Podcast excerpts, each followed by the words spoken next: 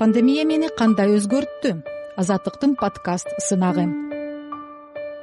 Мен ташиева нургүл отуз беш жаштамын.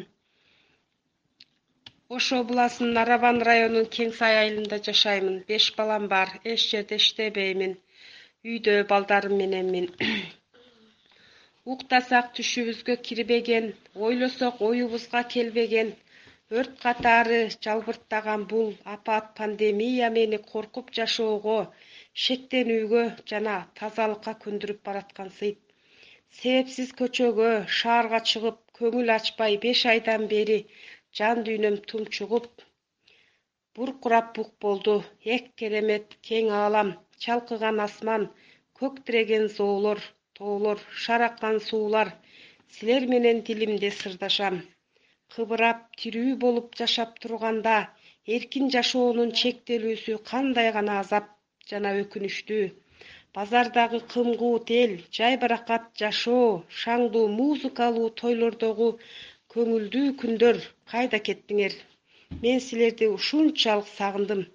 Көп күттүрбөй келгилечи бул жаман оору аты угулбай жер менен жексен болуп адам баласы жашабаган алыстарга жел кайыптай учуп суу менен агып кетсе экен. Тамактансам бассам турсам алладан жалбарып суранып тилек кылам. Дүйнө жүзүндөгү ооруга шыпа таба бере көр мээримдүү асыл аллахым.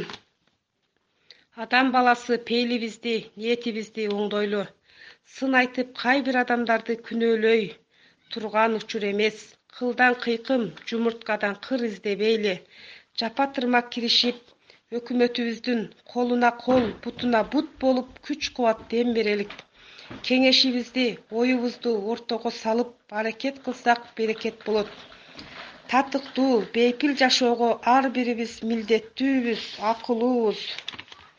Жаман сапаттарды артка калтырып пейил куюнубузду ниеттерибизди оңдойлу кара өзгөй калп сындардан чыр чатактан алыс бололу. Жашоо баарыбызга керек. Өзүбүздү жакындарыбызды табышмактуу бул тактырдан сактап калалы. Алла буйруса эки миң жыйырма биринчи жыл бейпил майлуу сүттүү токто берешен жыл болот. Себеби уй адамдарга эч качан пайдадан башка зыян алып келген эмес. Пенденин сөзү алланын кулагында дейт дагы төрт ай чыдасак эң жакшы жылга кирип барабыз. Бейиштей куугасыз ал жашоого мен ишенем жана алладан чексиз тилей беремин.